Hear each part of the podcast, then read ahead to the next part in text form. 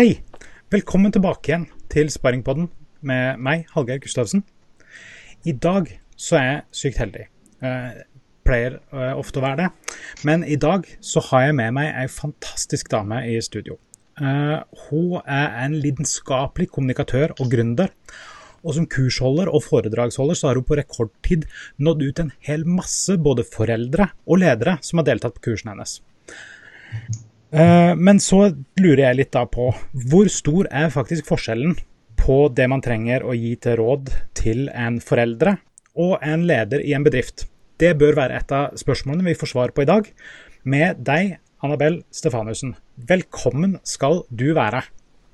Tusen takk, Hallgeir. Så hyggelig. Eh, kjekt at du ville være med. Jeg har, eh, jeg har sett litt på tingene du har gjort Eh, altså både i forhold til de online-kursene og på talerlisten og alt mulig. Uh, og bare sånn for å uh, Jeg har kalt episoden i dag Annabel Stefanussen 'Fredsmekler på nett'. Ja. ja. Hva, det er jo primært av det jeg har sett, i hvert fall i heimen, på en måte. Men du gjør jo en del andre ting også. Kunne du tatt litt kjapt om hvem du er og hva du gjør? Ja, jeg, jeg, kan jo si hva bakgrunn jeg har. Jeg er utdannet gestaltterapeut, og det er kanskje ikke så mange som vet det, men det er i psykoterapiretning. Mm -hmm. eh, og så har jeg bygd på den sånn at jeg har veilederutdanning, konflikthåndtering og organisasjonsutvikling. Men det jeg ble lidenskapelig opptatt av, det er det som går på kommunikasjon mellom mennesker. Pga. Det paradokset at jeg sjøl strevde mye med kommunikasjon. ja, for eh, du, har, du har faktisk blitt karakterisert som eh, ei streng gneldrekjerring. Stadig i konflikt med mannen og sønnene. Hvordan slutta du med det? Eh, jeg, har faktisk, jeg, har alltid vært så heldig at jeg har hatt sjølinnsikt. Det, det, har jeg fått hørt. Og, eh, så jeg visste at jeg var, var altfor autoritær, spesielt som mamma, og, og sur som kone. Eh, og så og så når jeg begynte på utdannelsen, det var i 2000, kan det bli 20 år siden, ja. så var den eh, på mange måter veldig sånn transformerende for meg. Den er tufta mye på eh, personlig utvikling. Så jeg oppdaga en god del av hva er det jeg gjør som ikke fungerer. Og så på en måte ble jeg klar over hva er det jeg kan gjøre i stedet. Ja. Det, var, det var på en måte den den kunnskapsmessige sida av det. Også den personlige sida av det var at eh, sønnene våre, som i dag blir 26 og 29 år dette året, de hadde en samtale med meg når de var 10 og 13, hvor de tok opp med meg at de opplever meg veldig uforutsigbar, og at, eh, at jeg skifta mye i humør. Ja. Og den samtalen den, eh, den, har jeg, den, har jeg, delt tusen ganger. Jeg bruker å si, det var en sjelsettende samtale hvor, jeg, hvor det ender med at jeg gir dem et løfte om at jeg aldri mer skal snakke til dem på den måten. Og det ble livsviktig for meg å holde det løftet. Så det er en kombinasjon av utdanning og, og, et løfte som jeg ga mine gutter, eller våre gutter, da, eh, var det som bidro til at jeg begynte på en veldig stor endringsreise som menneske, og spesielt som mamma. Ja. Men gestaltterapi, eh, du sier psykoterapi. Eh, gestalt er vel tysk eller noe sånt noe for eh, hele Ja, helhet. At vi helhet, ser på ja. ja. Eh, men... Og gestalte noe, det betyr ja. Ja, nei, bare, bare fortsett. Det, det, er brukt i teater, vet jeg, at du kan si at noe trer frem og er tydelig, og så er noe bakgrunn. Så det er, på en måte, det er jo kanskje litt tungvint forklart, men å gestalte noe Vi er veldig opptatt av å bevisstgjøre. Hva blir tydelig for deg? Hva blir du bevisst på? For alt du har innsikt om og er bevisst på, det kan du gjøre noe med. Og det du ikke er bevisst på, det du ikke har innsikt om, det får du ikke endra. OK, så mye av gestaltterapien er å bruke eh, teknikker eller sånt fra psykoterapi, men et, helt, et mer helhetlig eh, observasjonsfokus, går det an å si? Ja, absolutt. Og vi bruker en god del teknikker. Sjøl er jeg veldig sånn eh, mental, og et, jeg er til å si et eh, en, en, person som liker å tenke, er ganske filosofisk av natur, så jeg elsker samtalen. Mm. Jeg elsker det med å få innsikt, innsikt, og være i dialog med mennesker. Men vi kan òg bruke mye sånn eksperiment og metoder for å synliggjøre ting for den vi jobber med. Eh, en av, en av, tingene som jeg Nå har jeg ei jente som er ni, og ei som er seks. Eh, og da, opp gjennom både eh, barnehage og skole og sånt nå, så kommer man veldig mye i kontakt med andre foreldre. Ja.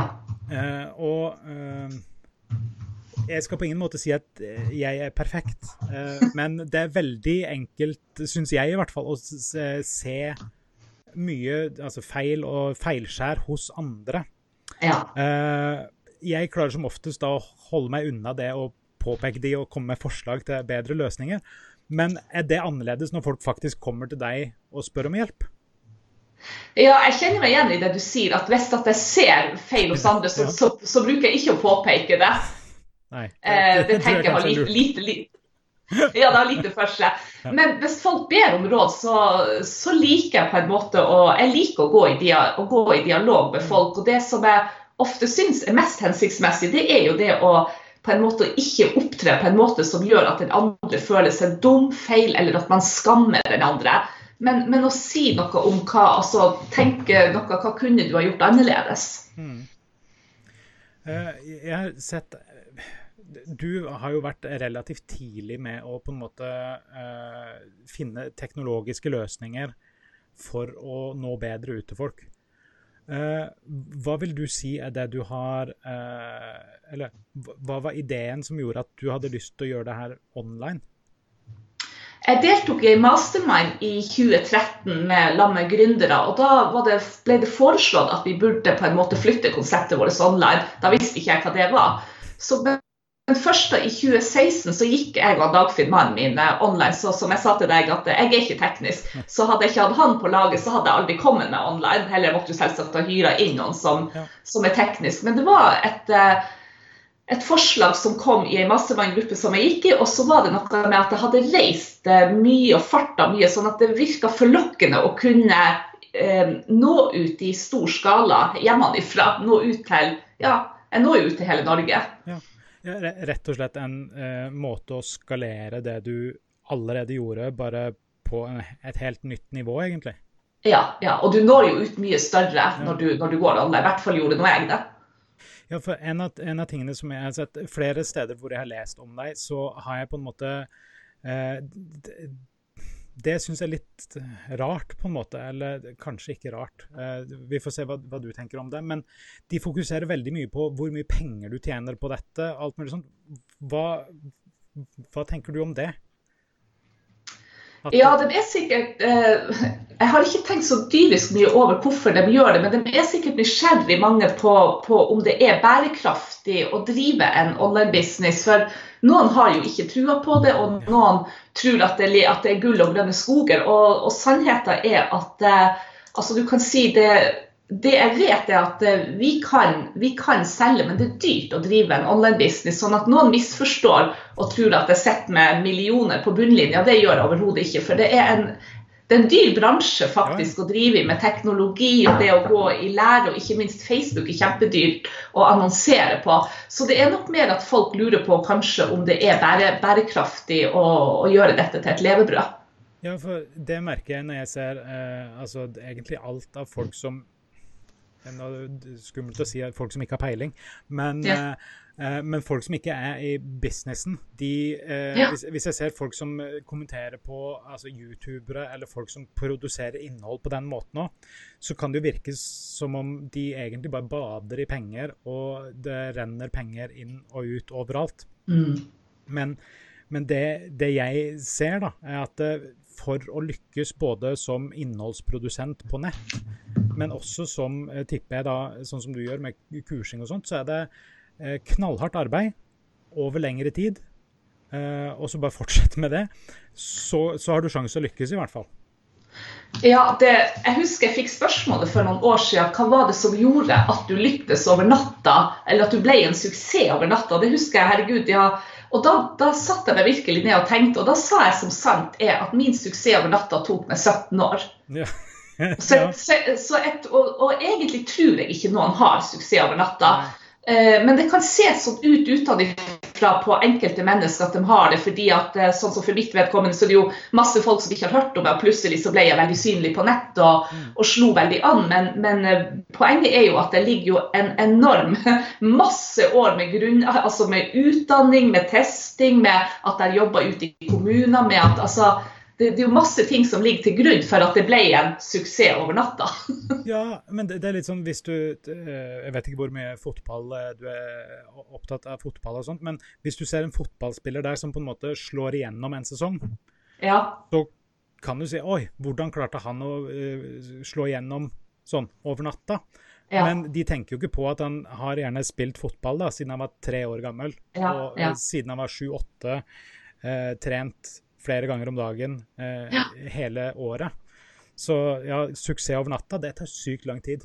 Si ja, sånn. det gjør det. Og, og, og, og man også, ikke sant, i dag på sosiale medier, veldig få deler jo alle nedturene man har hatt. alle Eh, ja. altså, skal, det er ikke blod som ligger bak, og det er ikke svette, men det ligger mye tårer bak. Blant annet. Det lå mye streve bak eh, mine, altså det at jeg er der jeg er i dag. Jeg har strevd mye og vært mye usikker og følt meg som en loser. og Sånn at det ligger masse ting bak det å være der jeg er nå. og jeg er jo bare i mitt liv, så jeg drømmer jo om å gjøre mye mer enn der jeg er nå. sånn at jeg går jo ikke rundt og våkner om morgenen og tenker oho, for en suksess jeg er. Jeg gleder meg jo til at jeg skal få til drømmen min. ja.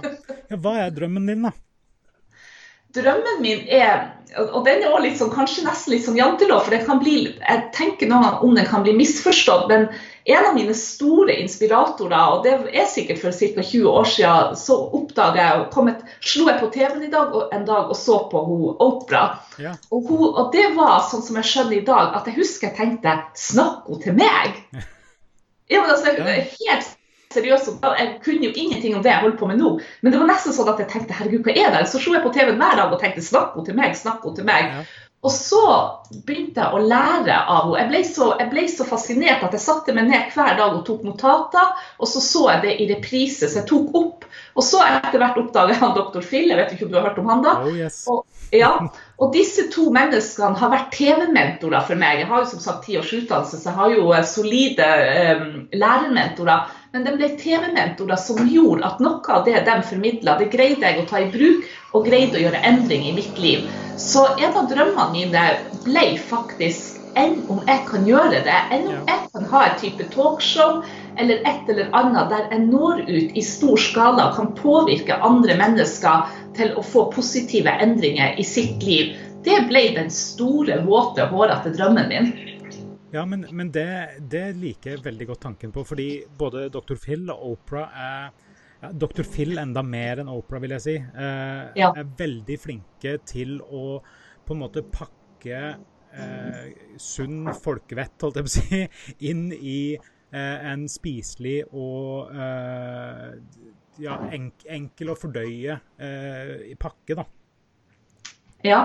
Eh, ikke sant? Og så vet jeg jo at begge dem er omstridt, og sånn vil det også være. og Det er jo noe vi lærer, vi som gründere. at eh, at noen vil ha veldig sansen for det jeg holder på med, og noen vil tenke hva jesu navn er det hun der kjerringa holder på med? Og sånn vil det jo være med dem også, at de snakker til meg, og så har de f.eks. ikke snakka like sterkt til min mann. Nei. Nei, men, men på, på, altså, jeg skal jo si at jeg syns det er veldig underholdende å se Dr. Phil, f.eks. Men eh, jeg er jo på ingen måte enig i alt han sier, eller hvordan han gjør ting og sånt nødvendigvis. Men, eh, men han er jo flink til å på en måte catche de tingene som eh, Altså, han lager eh, relativt god underholdning. Og ja. han, eh, han, får sagt ting på en sånn måte Altså, han legger ikke ting imellom, for å si det sånn. Nei, han er veldig altså, og, det, og det er litt artig, jeg skal ikke bruke tida på det, men jeg tenker jeg skal verken være en Opera eller Dr. Phil, jeg skal være Annabelle. Ja. Men det som, oi, det som uh, traff meg, var at det gikk an å bli inspirert via TV, og det gikk an å få på en måte mm, bli undervist og inspirert til noe som gjorde at på noen områder så klarte jeg å ta til meg. Og, mitt, og det jeg ønsker, er jo å nå ut med jeg håper å si, fredsarbeid i heimen sitt budskap som jo er annerledes enn deres budskap. Men poenget er at jeg ønsker å nå ut i den type skala. Ja, men, men, der har jeg et par spørsmål i forhold til fredsarbeid i heimen. Eh, du skriver på sidene dine at det er for deg som ønsker også flere ting her. Det jeg spør meg sjøl om, er dette bare for damer? Fordi noen av punktene er å være helt inne i egen familie, stå fjellstøtt som mor, mentor, leder, eh, og bli en mamma og partner du selv er stolt og glad over å være. Og da tenker jeg, ja, men hva med meg som pappa? Kan jeg få lov til å være helt i familien og være en pappa og partner som er Altså, er det, er det primært fordi at målgruppa di har vært damer, eh, eller er det fordi at det er et kurs for damer? Jeg begynte når, I 2016, når jeg lagde Fredsarbeid heimen online, når jeg gikk online, så bestemte jeg meg for å skape en, en, en nisje. fordi at jeg lærte at jo spissere du er, jo bedre treffer du. Ja. Hvis du prøver å sikte på alle, det kan du sikkert alltid, så treffer man ingen. Ja. Så, ja, så, jeg bestemte meg for å sikte på mor. Ja. Uh, og så etter hvert har jeg fått sånne spørsmål at, uh, at, uh, at fedre sier kan ikke vi være med. Og jeg har alltid med fedre, og jeg har jo jobba mye ute i felten med ledere hvor jeg jobber mye med menn. Eh, men det jeg ser sånn på Facebook, faktisk, eh, og det er, jo, det er at annonser retta mot menn er kjempedyr. Ja. Sånn at vi bruker utrolig mye penger på å annonsere, og det er rådyrt å annonsere mitt konsept mot menn. Sånn at det er billigere å annonsere det. Det er også dyrt mot kvinner, men det er billigere. Så Derfor så når annonsene mine veldig ut mot mødre. Mm. Men som sagt så har vi alltid med fedre, så konseptet passer veldig godt til begge. Men det begynte som en nisje mot mødre. Ja, og jeg, jeg forstår det veldig godt. Altså, jeg jobber jo med eh, markedsføring og sånt. Og det å nå menn med dette, ja. Det tror jeg kan være relativt dyrt uh, av mange grunner. Mye altså pga. Sånn Facebook bygde opp og sånt òg, men også fordi at uh, Og nå kan det hende at jeg høres veldig sånn uh, kjønnsdiskriminerende ut, men jeg tror, det, jeg tror det er lettere for damer å se for seg at de trenger hjelp til dette, og faktisk å gå et sted og prøve å få hjelp. Uh, mulig jeg er eh, forutinntatt, men det er i hvert fall en sånn magefølelse jeg har på det. Ja, det som er min erfaring gjennom ti års utdanning, og hvor jeg etter hvert ble veldig opptatt av det som også går mye på personlig utvikling, så er det at kvinner er mer opptatt av, personlig, altså av å jobbe med personlig utvikling enn menn. Sånn at det var sånn alt fra 70-30, altså 70% kvinner, til 90-10. Altså hovedvekt av Eh, de som er, driver med det som går på ren personlig utvikling her i Norge, det er kvinner. Mens at uh, i USA og andre land så er det faktisk mer 50-50. Men i Norge så har jeg så hørte jeg en dame som sa en gang at uh, en del menn blir akterutseilt på egentlig både personlig og faglig utvikling. Jeg hadde ikke belegg for å si det, men det var en dame som uh, gikk ut og sa det. Og jeg syns det var litt interessant, en interessant uttalelse men som jeg ikke, kan, som jeg ikke skal uttale meg, meg, om. Men min egen observasjon er i hvert fall når det går på personlig utvikling, så er det meg damer som er opptatt av det. Ja, ja, det tror jeg du er helt rett i. Altså, eh, jeg, eh, men jeg, jeg, ser jo på sånn hvordan jeg jobber med egen, egenutvikling, altså med ja. meg sjøl. Og der går jeg på podkaster, jeg ser ting på YouTube, og jeg leser bøker. Altså, eller lydbøker, så jeg vet ikke om det kan kalles å lese bøker, men ja. ja. men, men jeg, jeg, jeg, ser Jeg går det, det, var kun nå i det helt siste at jeg har sett at det å få en uh, coach eller noen som kan på en måte faktisk hjelpe meg å bearbeide mine egne tanker, er noe som gir verdi. Ja. Uh, og det er jo bare fordi at jeg er teit, altså. Nei, det er fordi du er nysgjerrig, tenker jeg, og fordi du er sulten. Og det mener jeg seriøst. Ja. Jeg tenker at man er sulten, man er nysgjerrig når man ønsker å utvikle seg sjøl. Jeg tror i hvert fall at det er det som er At man har en, en, en driver der på det. Ja, for, og det trenger man for å i det hele tatt eh, prøve å, å, forbedre seg sånn sett, egentlig. Eh, så ja, Eh, hva, hvordan jobber du ut mot, uh, mot, ledere og sånt? Altså, hva har du som på en måte går inn mot de? Det som eh, Jeg begynte jo å jobbe med Egentlig så begynte jeg faktisk å jobbe med medarbeidere med det, med det her konseptet. Da kalte jeg det jo ikke for, fred, for fredsarbeid i heimen. Jeg begynte å jobbe med kommunikasjon med ledere. Det var jeg, bestill, altså jeg ble ansatt som prosjektleder i min egen kommune, Voldsheim kommune, i var det 2006, mener jeg. Nei, 2010 var det, men ikke så nøye. Eh, og Da var det bestilling fra politikere at de ønska å få ned sykefraværet. og Så skulle jeg lede dette prosjektet. da. Jeg hadde aldri leda et type prosjekt, jeg hadde aldri jobba som leder. Så var, det var virkelig en sånn læringskurve som var hinsides for meg. Eh, men det som jeg begynte å Jeg tok mye utgangspunkt i meg sjøl fordi jeg hadde vantrivdes mye på jobb. Og så tenkte jeg, så begynte jeg å reflektere over hva var det jeg så, for jeg hadde bytta jobb mye. Og hva var det jeg uh, la merke til på arbeidsplasser som jeg syntes fungerte godt, og hva la jeg merke til på arbeidsplasser som jeg syntes fungerte dårlig. Mm. Og for meg, nå er det jo noe som jeg tenker i ettertid, at det vi ser etter, får vi nok ofte svar på, eller bekrefta. sånn confirmation bias, ja. Ja, ja. Men jeg var veldig opptatt av det som gikk på kommunikasjon og arbeidsmiljø. Så det jeg tok tak i da, var å jobbe med kommunikasjon mellom medarbeidere. Bevisstgjøre dem på at de har ansvar for egen kommunikasjon, hvordan de snakker med hverandre, og at det vil påvirke et arbeidsmiljø. Og at jeg var nysgjerrig på om det igjen vil påvirke et sykefravær. Og det så vi når vi jobba si, med høy bevissthet rundt hvordan vi opptrer på jobb, og hvordan vi snakker med hverandre og hvordan vi gir beskjeder og hele den pakka der, mm. så så vi at i hvert fall det arbeidet vi gikk ut og gjorde, det påvirka sykefraværet i veldig positiv retning. Sykefraværet begynte å synke. Så begynte jeg å tenke jeg har begynt i feil ende. Jeg skulle selvsagt ha begynt fra toppen og jobba nedover. Ja, ja.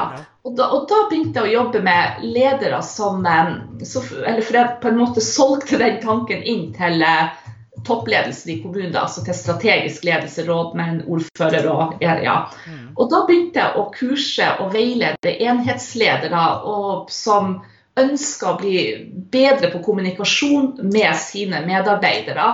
Og da fikk jeg mye tilbakemeldinger både fra medarbeidere og fra eh, ledere at Annabel, det som du lærer oss om kommunikasjon, det er nå begynt å bruke hjemme. Og nå fungerer det bedre med femåringen, nå fungerer det bedre med 17-åringen. Og da fikk, ble det en stor aha-opplevelse for meg. Det ene var og det her føles så teit å si, men det ene var at jeg ble litt sjalu. Fordi jeg syntes jeg fikk så raske resultat hjemme.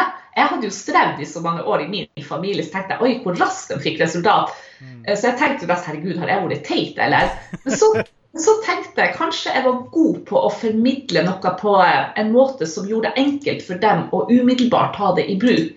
Så vokste ideen fram om eh, enn om jeg, enn om jeg begynner å jobbe med familier. Og, og, sånn begynte jeg å tenke. Enn om jeg begynner å jobbe med mødre. Og det var jo også fordi jeg var mor sjøl mm. og, og dame sjøl at jeg identifiserte meg mye med morsrollen og kvinner. Så det var sånn ideen kom, med at jeg flytta det med å jobbe altså eh, begynte å tenke lederskap på jobb og lederskap i familien. Jeg begynte å se noen sammenhenger og noen linker der for grovt sett så, så jeg tre ting ute på arbeidsplassen. Det er litt sånn generelt og grovt forklart. Jeg så eh, de lederne som var veldig, veldig dyktige. Det er det ikke så veldig mange av. Eh, men som virkelig skilte seg ut. De hadde fantastisk godt eh, arbeidsmiljø, lavt sykefravær, høy trivsel. Så har du de som er gjennomsnittlig gode, som de fleste av oss mennesker er. Vi fungerer gjennomsnittlig godt. Og der var det liksom helt OK å være på de arbeidsplassene.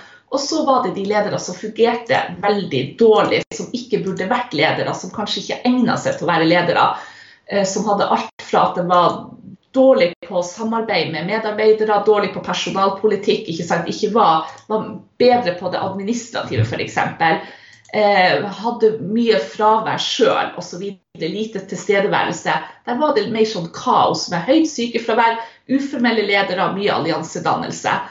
Og så begynte jeg å tenke på meg sjøl. Hvordan hadde vi hatt det i vår familie? For jeg hadde jo gjort ei endringsreise fra å være ei mamma som fungerte dårlig, til å bli ei mamma som fungerte veldig godt. Så jeg kunne liksom se hele rekka hos meg sjøl i vår familie, hva det førte til transformasjon. Pluss at jeg hadde begynt å jobbe med foreldre og sett denne eh, endringa. Så begynte jeg å tenke på foreldrerollen som en lederrolle.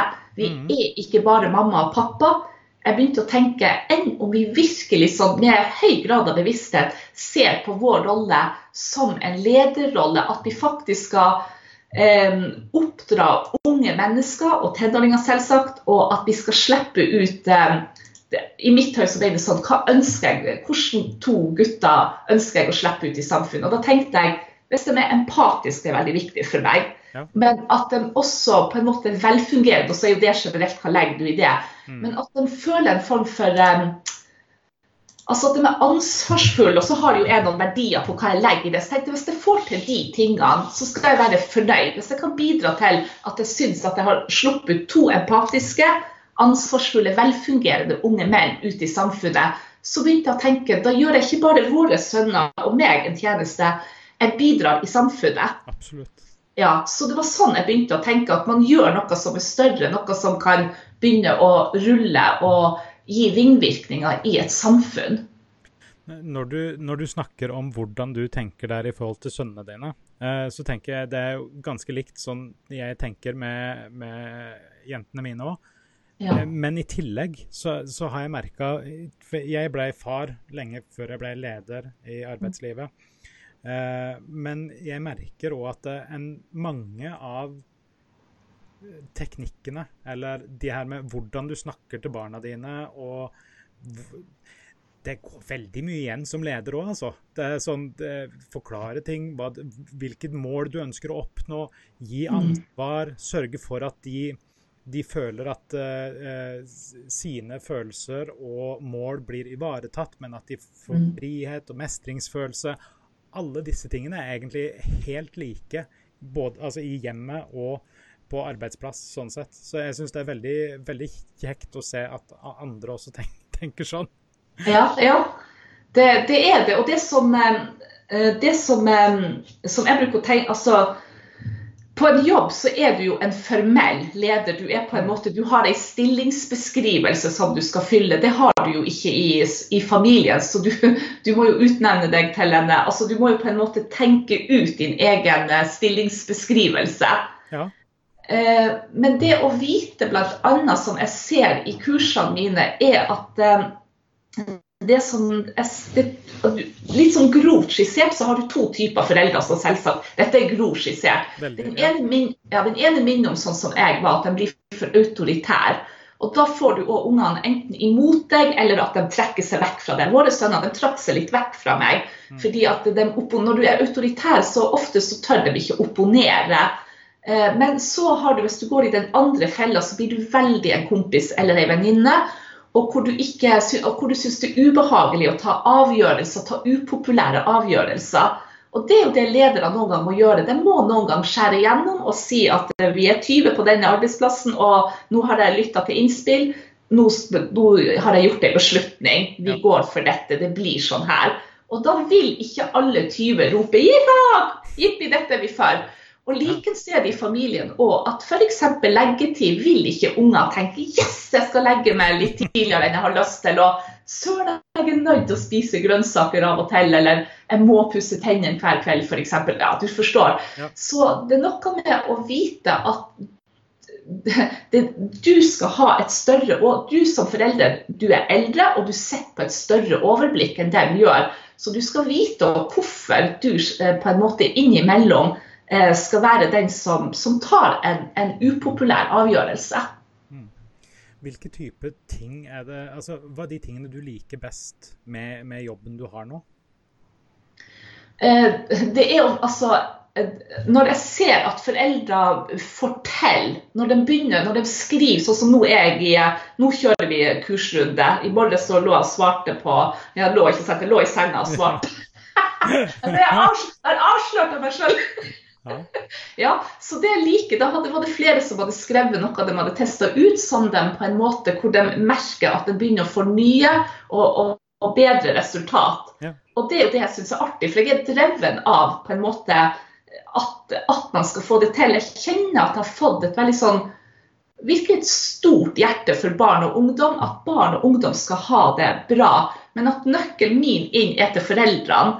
Og da å støtte foreldrene og hjelpe foreldrene, sånn at de kan få til å skape god kommunikasjon som vil føre til en mye bedre relasjon. Som jeg igjen tror at du får eh, unger som har eh, god selvfølelse og god selvtillit, og som eh, på en måte At det blir enklere for de ungene å fungere godt i samspill med andre mennesker. Og jeg tror, altså jeg tenker mange ganger, eller tenker mange, det gjør jeg ikke, men det at det heter fredsarbeid det har jeg noen ganger tenkt. Det var pinadø et riktig navn. Jeg tror det er med på å skape et, eh, altså ringvirkninger som gjør at sånne barn får ikke lyst til å mobbe andre. Sånne barn får ikke lyst til å uh, gå, gå, til krig mot læreren eller med, mot venninna si eller mot partneren sin. Har du med deg en litt sånn solid, stødig ballast hjemmefra, så tenker jeg, eller jeg vet faktisk, Ja. du, bringer det, du bringer det intuitivt videre.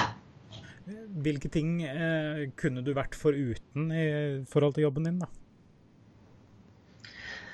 Eh, altså, eh, det er jo at eh, I det, akkurat den jobben som jeg har valgt, så er det jo mye teknisk. Men der har jeg jo min eh, Dagfinn mannen min som tar seg av alle de tingene. Men jeg kan kjenne at det, tek, at det at jeg er uteknisk står litt i veien for meg. Så Dagfinn ikke er til stede, så kan jeg kjenne at jeg kan bli stående fast fordi at eh, å drive online krever mye teknisk forståelse. Eh, hvordan får du de beste ideene dine, da? Eh, har du en prosess for det, eller? Nei, jeg jeg har en typisk gründerhjerne. Eh, Jeg er en visjonær type, og jeg vet at jeg er den fødte gründer. Og da tenker jeg hele tida, for av og til hører jeg kan ikke legge bort jobben, så kan jeg få litt sånn skyldfølelse. Hvorfor tenker jeg jobb hele tida? Men jeg har egentlig kommet til en sånn eh, indre aksept av at jeg er en gründer. Og jeg tror veldig mange gründere tenker hele tida. Så jeg har en hjerne som er enormt påslått. Så jeg kan få en sånn som bare prater med deg, plutselig kan jeg sette meg en idé etterpå. Ja, for eh, jeg tenker jo at eh, det er egentlig sånn for de som stiller det spørsmålet, da kan du ikke slå av hjernen litt. Altså, det er ganske vanskelig. Jeg merker det sjøl at eh, jeg klarer jo ikke å stoppe hjernen min fra å tenke på ting. Og det vet Nei. jeg ikke om man skal heller. Jeg vet ikke om det er sunt. Et, jeg vet han Dagfinn mannen han sier når han vandrer ut i naturen, så bruker han å si at han lytter til stillheten. Så han sier at han kan kjenne at hodet er tomt, og at han kan kjenne at, eh, at eh, naturen for han er et sånn, hva det han sier, nesten en religiøs opplevelse. Jeg har ikke den erfaringa, så jeg tror at vi mennesker er forskjellige. Så når jeg ute, nå er jeg ikke en typisk friluftsperson, men går jeg på fjellet, så kan jeg ta meg i at jeg går faktisk med blikket litt ned, og at jeg blir oppmerksom på oi, jeg tar ikke inn naturen, jeg går og tenker. Ja. Jeg er en tenker. Jeg er en tenker. Ja, jeg, der må jeg innrømme sjøl at eh, jeg går aldri og hører på stillheten. Da er det fordi at AirPods er tomme på batteri.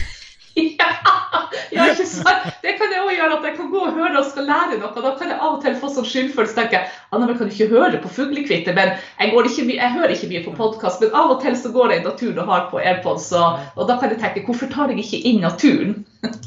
Har du hørt én fuglekvitter, så har du vel hørt alle, da.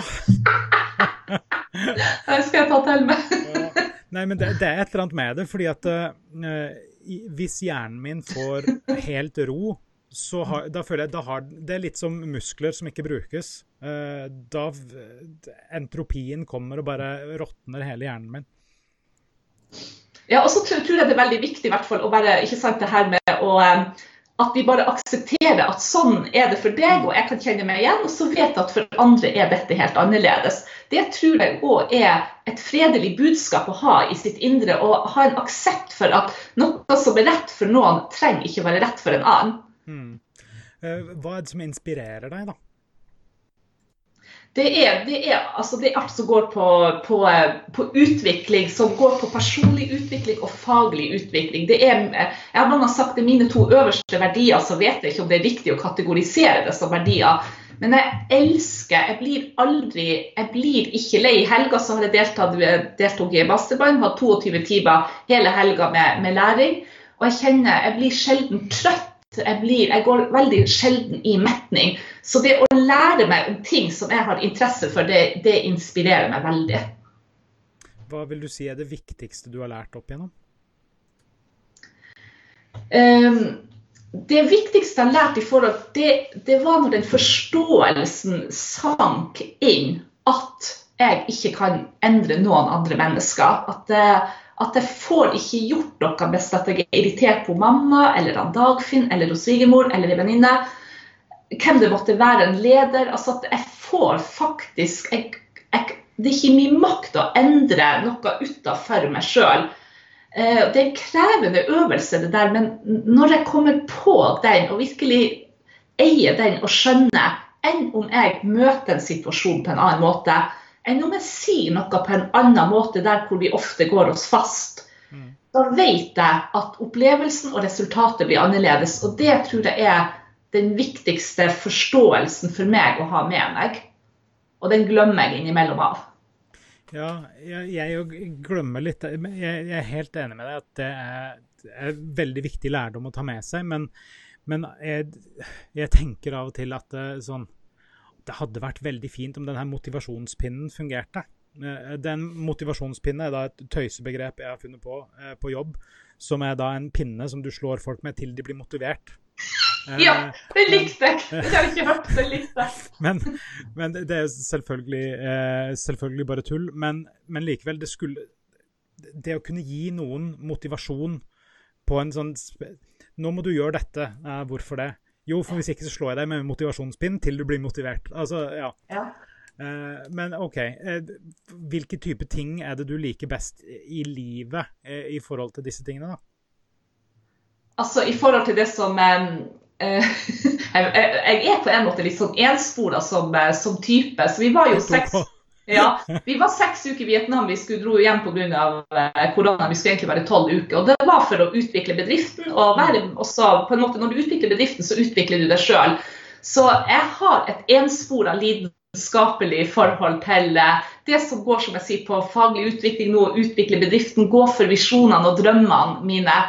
Eh, det er de tingene som driver. Akkurat som eldste sønn vår sånn, elsker bl.a. å trene. og ser Kan han sykle, kan han gå på ski, kan han svømme, kan han turne? Så man er kanskje litt, eh, de av oss som har lidenskap, man er kanskje litt ensformig på det man har skikkelig passion for. Det, jeg vet ikke, men jeg føler noen ganger at jeg er litt ensformig på disse tingene at de her driverne mine er det som gir meg mye indre lykke. ja, men, men det, jeg tenker jo at hvis det er en ting som eh, nummer én gjør deg lykkelig, nummer to eh, i bunn og grunn er det som du tjener penger på, og, og nummer eh, tre det er med på å videreutvikle deg som menneske og bedriftseier eh, framover. Så hvorfor skal du ikke være fokusert på det? Altså, det er jo ja da, absolutt. Jeg tenker sånn som, jeg er veldig lite flink på kjøkkenet, så noen av dere hadde var ikke noe flink på Selvsagt når jeg ikke er flink nå, så var jeg ikke flink til guttene og yngre heller. Men, så det er jo sånn at jeg kunne tenke, hvorfor kunne jeg ikke vært litt lidenskapelig opptatt av matlaging f.eks.?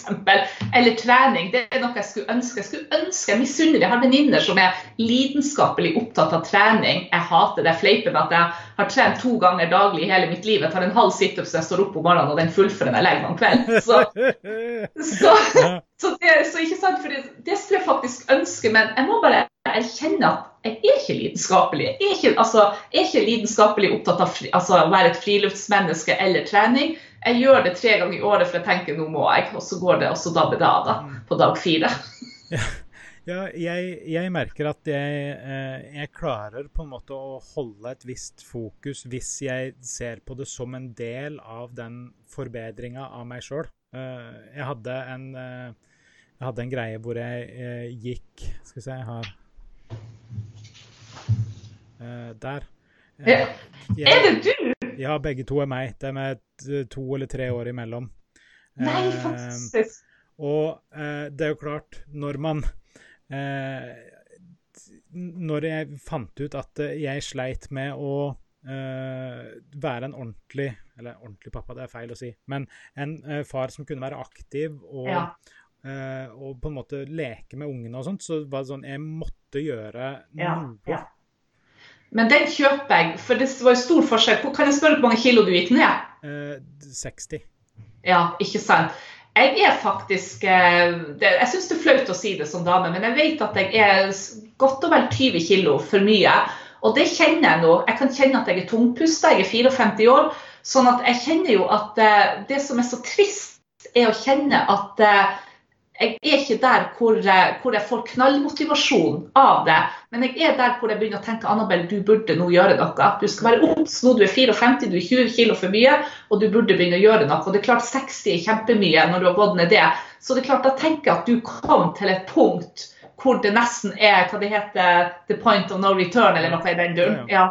Ja. ja. Nei, det var basically liv og død, egentlig. Ja. Uh, ja. ja. Så det, men det det var en veldig omfattende greie. Altså, det, det tok mye tid. Og, ja. og, jeg hadde full gastric bypass og opererte og sånt. Så, uh, men det, er absolutt det lureste jeg har gjort sånn noensinne i forhold til helsa mi. Uh. Ja. ja, ja, ja. Det følger det 100% på. Det er fantastisk. Uh, men du sa du tar en halv situp om morgenen. Hva, hva, hva, er det som får deg til å ta den? Hva er det som får deg opp om morgenen? Jeg er typisk B-menneske. sånn at uh, Det som får meg opp tidlig, er jo hvis at, det, hvis at det, er, altså, at det er en avtale. Hvis ikke så liker jeg å legge meg seint, og, og, da står jeg også opp seinere.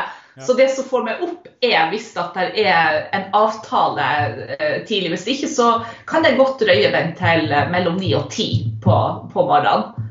Ja, ja da, og det var, det var også en av grunnene til at jeg hadde lyst til å bli gründer. Det var at det der å stå opp sju det syns jeg var et uh, mareritt. Altså, jeg, jeg hata det. Det var sånn at det i tillegg til at jeg ikke fant meg til rette i uh, å ha rutinejobb, gjorde at jeg som 27-åring, og det her er helt sant, da satte jeg meg ned og tenkte 37, 47, 57, 67. Så tenkte jeg 40 år igjen, så er jeg pensjonist. Og det tenkte jeg, det er ille å begynne som 27-åring og se fram til du skal bli pensjonist. Veldig. Så ja, så Da jeg var 34, var jo da jeg tenkte jeg måtte ta tak i livet mitt, for å si det sånn. Og da begynte jeg på denne utdannelsen. Så det passer meg veldig godt å være gründer og kunne ha og styre tida mi en del. Men så bruker jeg også å si, jeg hørte jo et uttrykk for noen år siden, bli gründer og få all den uh, frihet du ønsker deg. Og så var det ei som sa til meg det er den største bullshitten jeg noensinne har hørt. for at jeg har jo egentlig aldri jobba mer, men du kan si jeg kan jobbe mer fleksibelt. Men hodet er jo påslått all min våkentid. Mm. Og hver gang det kommer en mail eller en melding, så er det nesten umulig for meg å ikke, å ikke ha en jobbrespons på det. Så jeg er oppe klokka halv to på natta og det tikker inn en mail, så svarer jeg jo på den. Ja. Ja, der, der, er jeg faktisk blitt uh, relativt god på at jeg har slått av alt av notifications nå. Hvor bra. Eh, det er mitt utviklingspotensial. Virkelig. Ja. ja men, men, det jeg fant ut, er at eh, da er det jeg som bestemmer når ja. jeg skal sjekke. Ja. Eh, og det har gjort at eh, eh, Kona mi sa at hun syntes jeg var på telefonen for mye. Ja, jeg, og det vet jeg òg. Ja. ja. Men når jeg slo av notifications så For det som er på en måte Det jeg merker, er den å ja, nei, jeg bare sjekka. Ja, ja, ja. Den er Sånn at jeg har fått ned uh, mine Hvis du har iPhone, så kan du ha sånn screentime-greie. Uh, og så kan du se hvor mange pickups har du i løpet av en dag.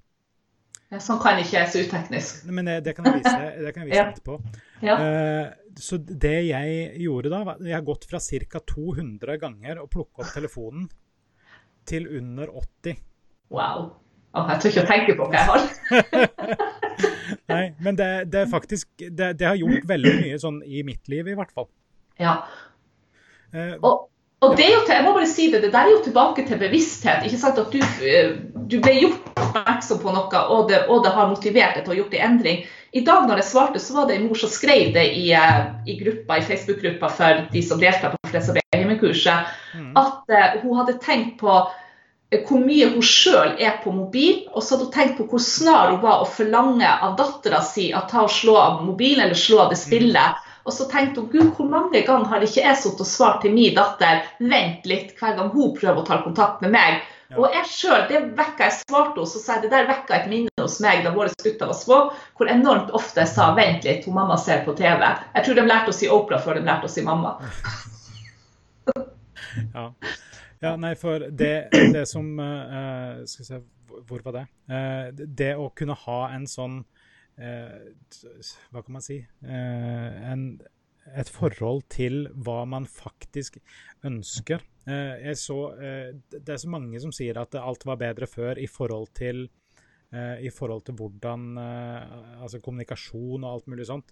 Eh, og nå til dags så snakker ikke folk med hverandre lenger og sånne ting. Men mm. jeg mener jo at man snakker jo kjempemye med folk. Man har kjempemuligheter til å snakke med folk hele veien.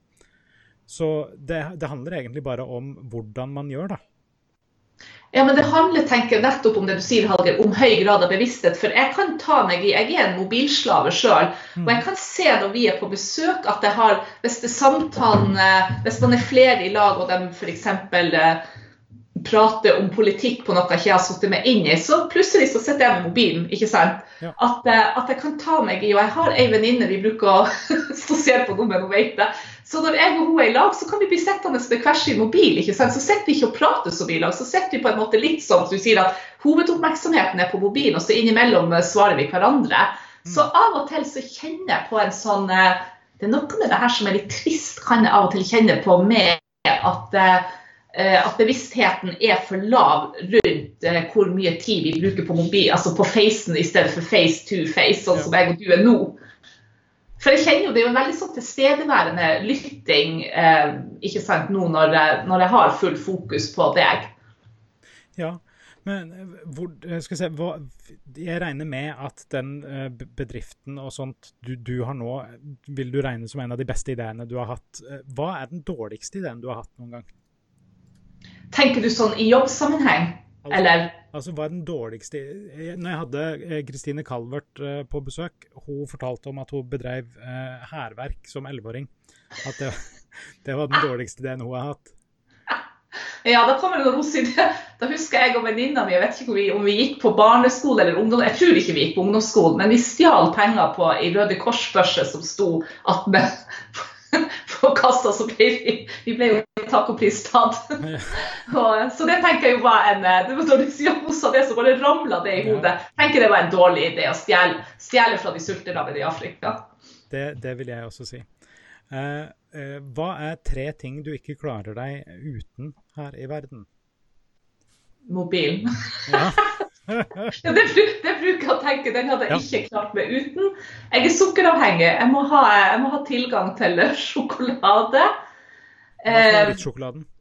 Eh, åh, det er mange. Jeg er sukkeravhengig der. Crispo, Japp, Stratos. Det er god reklame for Freia. Nei, Crispo er vel Nidol. Tenk at jeg vet merkene deres. Eh, eh, har du smakt Stratos med saltkaramell? Nei, det har jeg ikke testa. ikke min. Don't remind me. Det er min, min, absolutt svakeste Ja, det er min sånn guilty pleasure. Hvor herlig. Oh. ja.